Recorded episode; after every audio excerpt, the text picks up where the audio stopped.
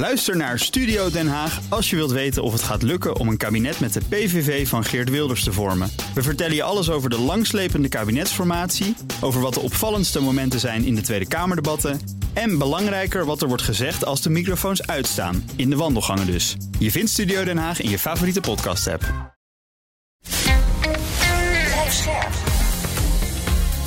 BNR Nieuwsradio. Boekenstein en de Wijk.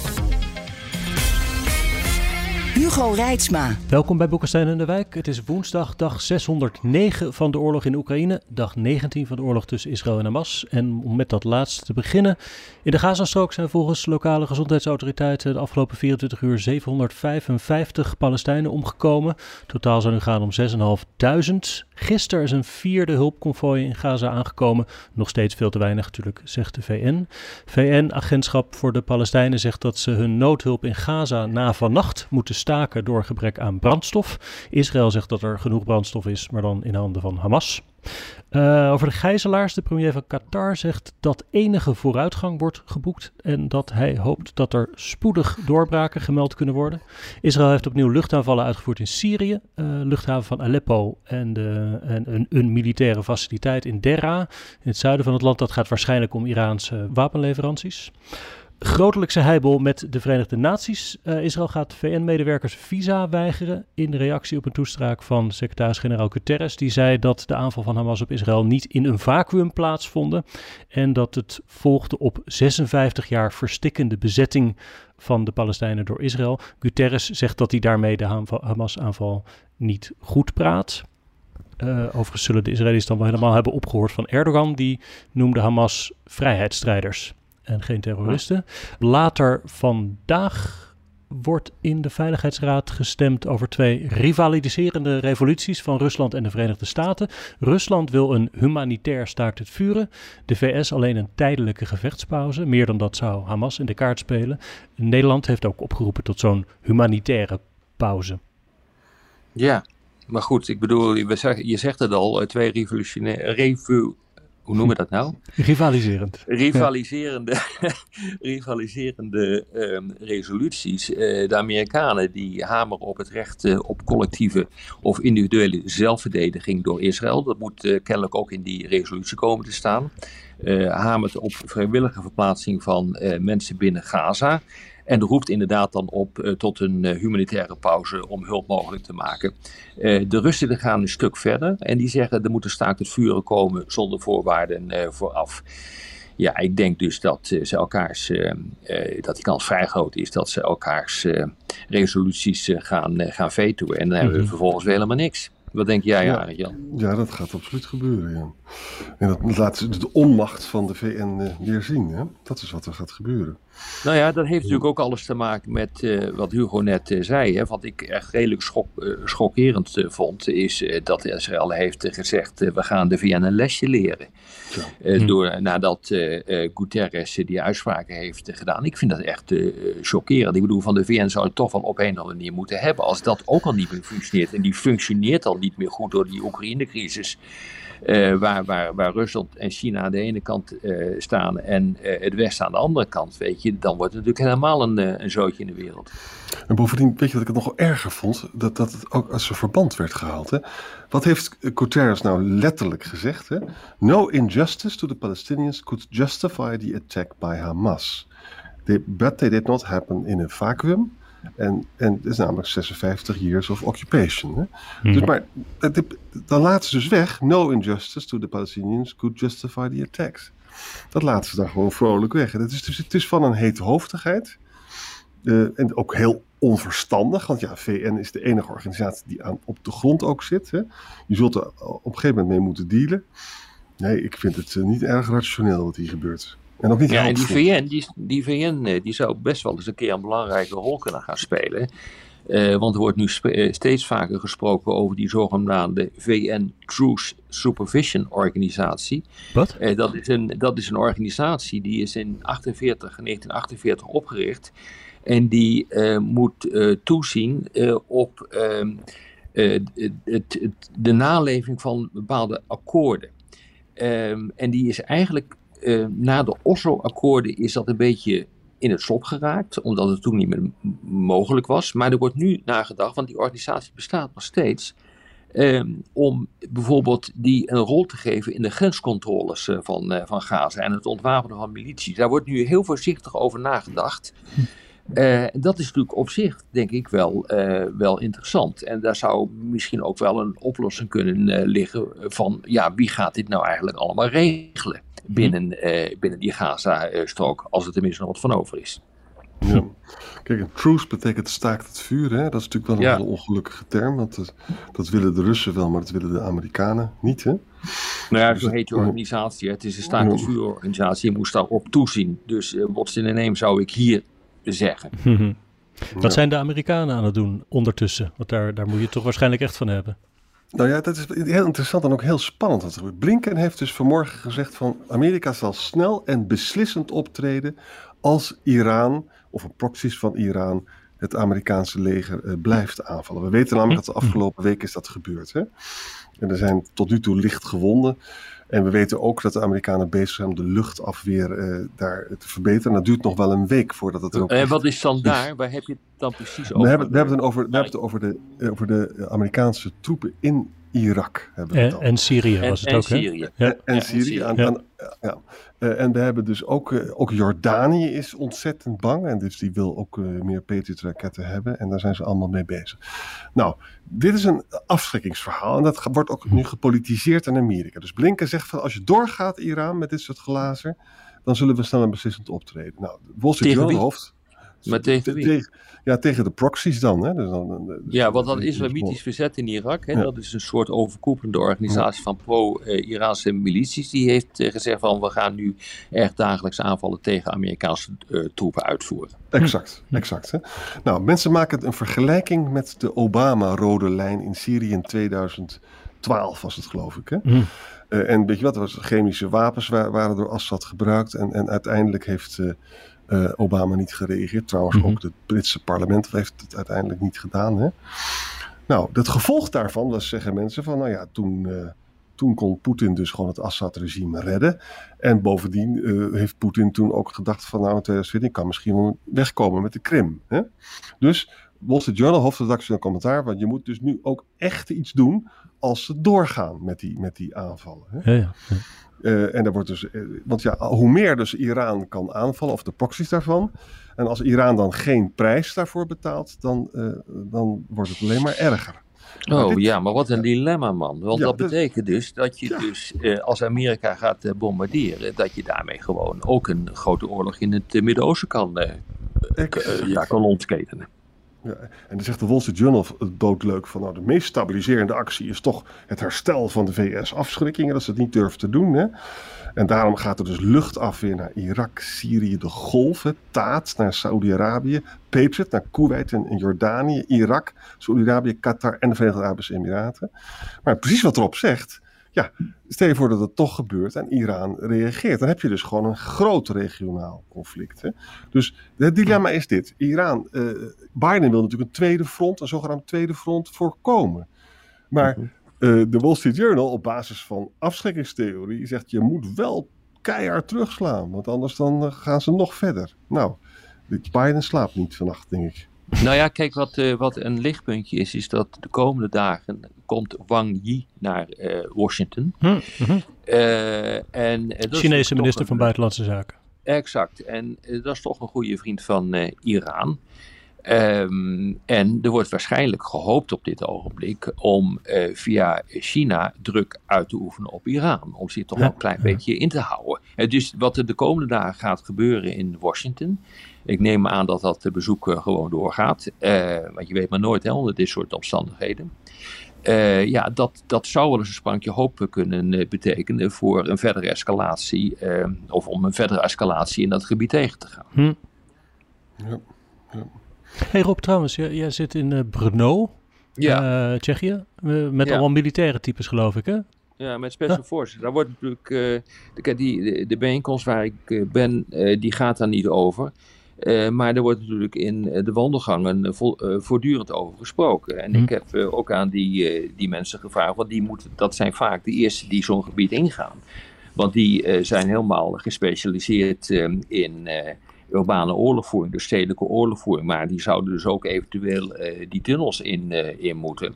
Van ja, hoe, hoe, hoe gaat Israël dit nu doen? En hoe kan je dat nou uh, op een eh, manier uh, voor elkaar krijgen dat de Israëlische troepen niet aan de lopende band sneuvelen. Want die, dit is een zeer risicovolle operatie. Nou, ik heb nu van verschillende kanten gehoord van dat de enige mogelijkheid om dit te doen is om, als er bijvoorbeeld vanuit een, een flatgebouw met snipers wordt geschoten, om gewoon het hele flatgebouw compleet op te blazen. Dus dit is geen kwestie meer van, van straat naar straatgevechten of van huis naar huisgevechten.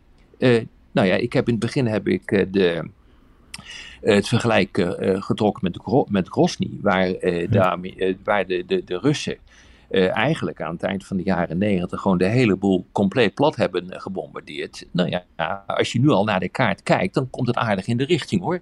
Ik bedoel, er is natuurlijk nog wel een hele weg te gaan om het hele noorden van Gaza plat te bombarderen. Maar als je kijkt naar de schade die op dit ogenblik wordt aangericht, is dat echt immens. En als je dus ehm, er echt in moet gaan, uh, ja, en, en je ziet waarmee je geconfronteerd wordt, dan zou je inderdaad wel eens een keer geen andere kans hebben of andere mogelijkheid hebben om op deze manier te werk te gaan. Ik moet dan echt zien wat dat gaat betekenen voor de Israëlische positie in de wereld hoor. Ja, mhm. weet je, generaal Petraeus heeft natuurlijk heel veel ervaring met dit soort operaties. Hè? Die was in de podcast van uh, Farid Zakaria, GPS. En die zei, kijk, het, het groot, er zijn twee grote verschillen tussen Mosul, hè, waar we het altijd over hebben, en uh, in Gazastrook. Het eerste is, Gazastrook kunnen mensen er niet uit. En wij konden nog mensen verdrijven uit Mosul natuurlijk. Hè. Maar het tweede is, waarom is de search in Irak gelukt? Omdat er ook een parallel politiek proces was, waarbij dus de Amerikanen in staat zijn geweest om de jihadisten uit te schakelen, maar de Soenieten en de Shiiten toch samen in een regering te zetten. Nou, dat hele politieke verhaal, dat is volstrekt afwezig bij de huidige Israëlische regering. Ja. En, uh, en dat, vind ik, dat vond ik wel een heel verhelderend inzicht. Van, uh, ja, nou ja, zal moeten gebeuren. Echt, uh, als de search nou echt gelukt is in Afghanistan. Ik bedoel, je kan je nog herinneren dat het Westen met de staart tussen de benen vertrokken is uit dat land, hè, twee jaar geleden. Dus dan moeten we wel even even uh, toch een, een, beetje relativeren. Maar ik, ik vind eerlijk gezegd, er wordt iedere keer gekeken naar Mosul. Ik vind het niet zo'n goed, goed voorbeeld. Ik vind echt Grossi vind ik, vind ik een beter voorbeeld. Ehm, daar konden de mensen ook uit. Daar werd ook niet een politiek proces gestart. En dat was gewoon puur bombarderen. En de Amerikanen die drukten dat altijd wel plastisch uit. Van we hebben, of de Russen hebben uh, Grozny veranderd in een parkeerterrein dus, ehm, eh, ik, maar het vergelijk, het vergelijk is veel naarder dan Mosul. Uh, het vergelijk is naarder omdat uh, het veel heviger nog was dan in mhm. Mosul. Je zou kunnen zeggen, kijk, Rusland kon daarmee wegkomen dat het een autocratie is. Hè? Israël kan daar niet mee wegkomen. Dat kan niet. Nou ja, dat is dus mijn vrees ook. Dat als ze dit inderdaad gaan doen, ja, dan moet ik nog zien hoor, uh, wat er gaat eh, gebeuren ook met de publieke uh, opinie, maar ook met de steun van, uh, van de regeringen die Israël nu feitelijk nou niet echt zijn gang laten gaan. Want je ziet dat er grote zorgen zijn, dat uit de hele wereld, Macron ook nog hè, van kijk een beetje uit, ehm, zorg er ook voor dat door dit soort bombardementen niet een verdere verspreiding van het conflict plaatsvindt. Ja, nou ja, goed, we moeten maar even kijken hoe dit gaat lopen, maar omdat je dit vermoedelijk zal moeten gaan doen, militair gezien. Ik denk dat dat een belangrijke verklaring is waarom dat uh, offensief maar niet uh, van de grond uh, komt. Hmm. Hmm. kennelijk is er toch oneenigheid tussen de generaals en het kabinet, of in het kabinet zelf. Hè? Want kijk, ik denk dat sommige generaals zullen zeggen: ja, we kunnen het beter maar gelijk doen, want de publieke opinie keert zich tegen ons. Hè? Mhm. Ja. Maar er zijn ook generaals die, kijk, generaals weten hoe, hoe, erg een war amongst the people is. Die zeggen van, nou, moeten we dat nou wel zo doen? Kunnen we niet beter ja. chirurgisch? Zullen het ongetwijfeld ook zijn. Ja. En, mhm. en, wat, en wat Netanyahu zit misschien ook wel te remmen, ik weet het niet. Nou, die is, die wordt, eh, daarvan wordt gezegd dat hij redelijk uh, terughoudend is met dit soort uh, operatie. Maar dan hebben we de minister van Defensie die zegt van het kan me niet hard genoeg gaan. Ja, ja. ja. zijn gezellige discussies daar. We moeten misschien ook nog even kort wat zeggen over de Westbank. Er oh, staat een heel goed stuk over in de Wall Street Journal. En er is heel veel wapensmokkel het afgelopen jaar. Dat kan ook heel makkelijk. Jordanië uh, kan dat allemaal niet tegenhouden aan de grens met de Westbank. Hm? Heel veel jonge Palestijnen uh, kopen wapens. En dat komt omdat ze zichzelf moeten verdedigen tegen de settlers. Omdat de Palestijnse autoriteit geen veiligheid kan bieden. Ja, ja. Ook omdat er geen belasting wordt, uh, wordt betaald. Dat is, lijkt mij een nogal explosieve situatie. Daar komt nog bij dat de, de settlers hebben nu geloof ik al 60 uh, Palestijnen gedood. Dus die maken gebruik ook hè, van het vacuüm dat er nu is. Mm-hmm. En wat er ook wordt gezegd, dat vond ik helemaal interessant. De reden waarom Netanyahu niet goed keek naar de Gazastrook is omdat hij ongelooflijk bezorgd was over de Westbank ja. en al zijn energie daarop richt. En dat gaat mm-hmm. dan dus over dit verhaal. Ja. Dat daar zomaar een opstand kan uitbreken. Mm-hmm. Dat het uh, echt ja. een nieuwe intifada wordt. Ja. ja. Interessant is wel trouwens dat de schermutselingen tussen het Israëlische leger en de Palestijnen op de Westbank, eh, dat die eigenlijk eh, relatief gering zijn op dit ogenblik. Eh, dat is dan weer een, een super klein lichtpuntje. Hm. Zullen we eens doorgaan naar Oekraïne? Hadden we ook nog, hè? Uh, Arjan, ja. volgens mij had jij het redelijk uh, in de smiezen hoe het daar ervoor staat op de nou grond. Ja, het is, op de grond is het eigenlijk dat uh, Oekraïne maakt een beetje vooruitgang bij het zuiden van Bakhmut en ook een beetje bij het westen van Zaporizhia. Uh, Rusland maakt een beetje vooruitgang bij het noordoosten van Avdivka, maar dat gaat dan overigens al meer via de lucht dan via de grond. Er zijn vreselijk veel Russen daar omgekomen, wat Rob ons uitgelegd heeft. Hè? Mm-hmm. En Oekraïne doet hele beperkte aanvallen vanaf de oostbank van de Dnipro-rivier, hebben we ook over gesproken. Mm-hmm. Maar er zijn dus ook berichten dat de Russische artillerie uh, dat goed op orde is daar en ook die Oostbank goed kan bereiken. Uh, en daar balen de Oekraïners uh, van. Ja, Afdivka ja. is toch wel echt een probleem hoor. Daar, daar, daar, praten we ook al een tijdje over. Mm. dat heeft Zelensky nu ook erkend. die heeft gezegd: de situatie is daar ernstig. Ja. Uh, en een doorbraak uh, kan grote gevolgen hebben. En uh, nou ja, wat de gevolgen zouden kunnen zijn, is dat je een mogelijke verdere verovering, inname krijgt van de hele Donbass. Ja. dus um, dat, dat, dat zou kunnen, zover is het nog lang niet. Maar het feit dat Zelensky zegt het is toch wel zorgwekkend, dat, dat geeft toch wel te denken hoor. Hm? Ja. Ja, het is echt, via de lucht gaan ze dan gewoon door. Duizenden Russische soldaten omgekomen. Hm? Ja. Ja. Nou, kijk, wat je dus wat je, wat je ziet is, is dat Rusland zich echt uh, aan het voorbereiden is op een langdurige strijd. Um, twee berichten zijn wat dat betreft wel uh, van groot belang. Uh, Rusland gebruikt steeds meer goedkope drones, goedkopere drones dan de Iraanse drones, de Shahed 131, 136. Dat zijn nu drones die in Rusland zelf worden gemaakt. En die zijn zo gemaakt en zo ontworpen dat ze moeilijker waar te nemen zijn en te vernietigen zijn. Dus dit is, dit is niet goed. En ik heb ook gezien hm. dat er lange afstandsdrones uh, bij zitten. Uh, en wat je ook ziet, is uh, dat de Russen in staat zijn om hun aantallen artillerie, artilleriegranaten te, ver, te vergroten. Um, dat komt onder andere door de levering uit Noord-Korea, weten we nu toch. Uh, er zijn duizend containers uh, geleverd. Daarin zouden pakweg tussen de 3 en 500 granaten kunnen uh, zitten. Ehm, dat is die levering van Noord-Korea voldoende voor één maand.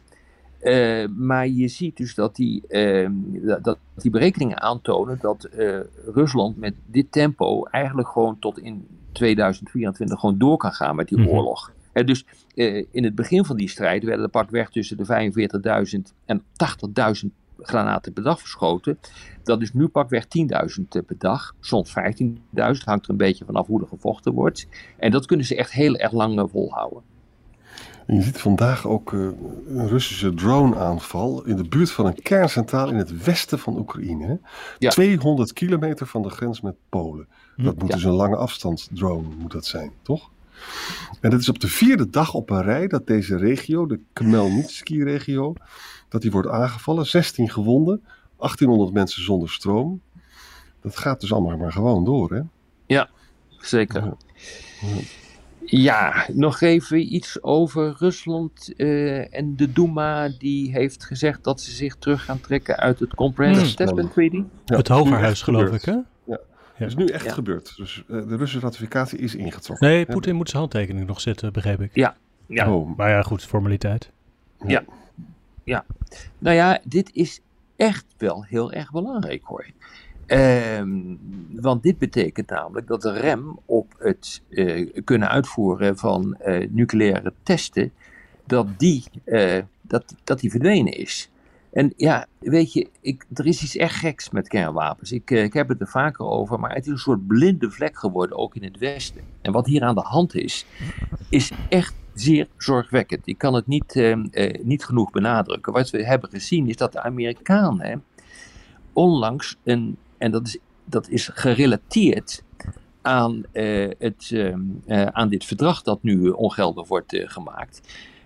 de Amerikanen hebben een grote chemische explosie uitgevoerd op een nucleaire, een voormalige nucleaire testsite in Nevada. En ze zeggen dat dat bedoeld is om te kijken of zij nucleaire explosie in de toekomst kunnen onderkennen. Volgens mij is dat flauwekul, want die kun je sowieso wel onderkennen. Uh, de Russen zeggen van dit is een belangrijk politiek signaal dat de Amerikanen dat hebben gedaan. En ik ben inderdaad geneigd op dit punt dan eens een keer de Russen wel te geloven, want dit is ook een belangrijk politiek signaal als je dat gaat doen. Dus op de achtergrond gebeuren er echt dingen die, die, die zeer belangrijk zijn. De Amerikanen hebben ook uh, voorstellen voor nucleaire wapenbeheersing gestuurd aan de Russen, maar de Russen die zeggen van ja, uh, bedankt uh, voor het zenden van die dingen. Maar we, het, we zijn er nog niet aan toe. Ja. Ja, ja, ja. Ik weet niet wat die Amerikaanse voorstellen behelzen. Dat wordt dan niet beschreven in de krant. Ik zou zeer benieuwd zijn. Maar ja, de, de, implicatie hiervan is dus dat er gewoon een wapenwetloop uh, aan de gang is. Weer, hè? Dat, dus dat, nou ja, dat, dat zou dus heel goed kunnen. Dat als je dus het, dat verbod op het nucleair testen ongedaan maakt, dat je daar dus inderdaad een, een, een, ja, dat dat het startschijn is voor een nieuwe nucleaire wapenwetloop. Daar moet je dus echt niet aan denken. Ik bedoel, zijn we gewoon echt terug in de Koude Oorlog. En meer dan dat, omdat China ook gezellig meedoet aan deze wapenwetloop. Hè. Er is nu weer bekend geworden dat er een nucleair aangedreven onderzeeboot in gebruik is genomen. die is veel stiller naar het schijnt en kan een groter afstandsbereik hebben dan een, een diesel-elektrische onderzeeboot. Uh, maar ook daar zie je dus gewoon dat die uh, ontwikkeling van het kernwapenarsenaal gewoon uh, doorgaat. En in Europa hebben we gewoon echt gewoon geen idee. We gewoon Sorry, dit was Noord-Korea, die onderzeeër? Nee, China. Nee, China. China. Oh, oké. Okay. Zei, zei, ik Noord-Korea? Mm. Nee, dat had ik in mijn hoofd volgens mij. ja, god. Nou, uh, Hamas, Hezbollah, Iran, Noord-Korea, Rusland. Volgens mij zijn we wel weer rond. Ja. ja. Dank weer. Ja, tot morgen. Tot morgen. Ook Liesbeth Staats vind je in de BNR-app. Ja, heel handig. Luister live naar Kees en mij tijdens de Daily Move. Dan blijf je ook gelijk op de hoogte van breaking news en het laatste zakelijke nieuws. En daar vind je ook alle BNR-podcasts, waaronder de Perestrooikast. Download nu de gratis BNR-app en blijf scherp.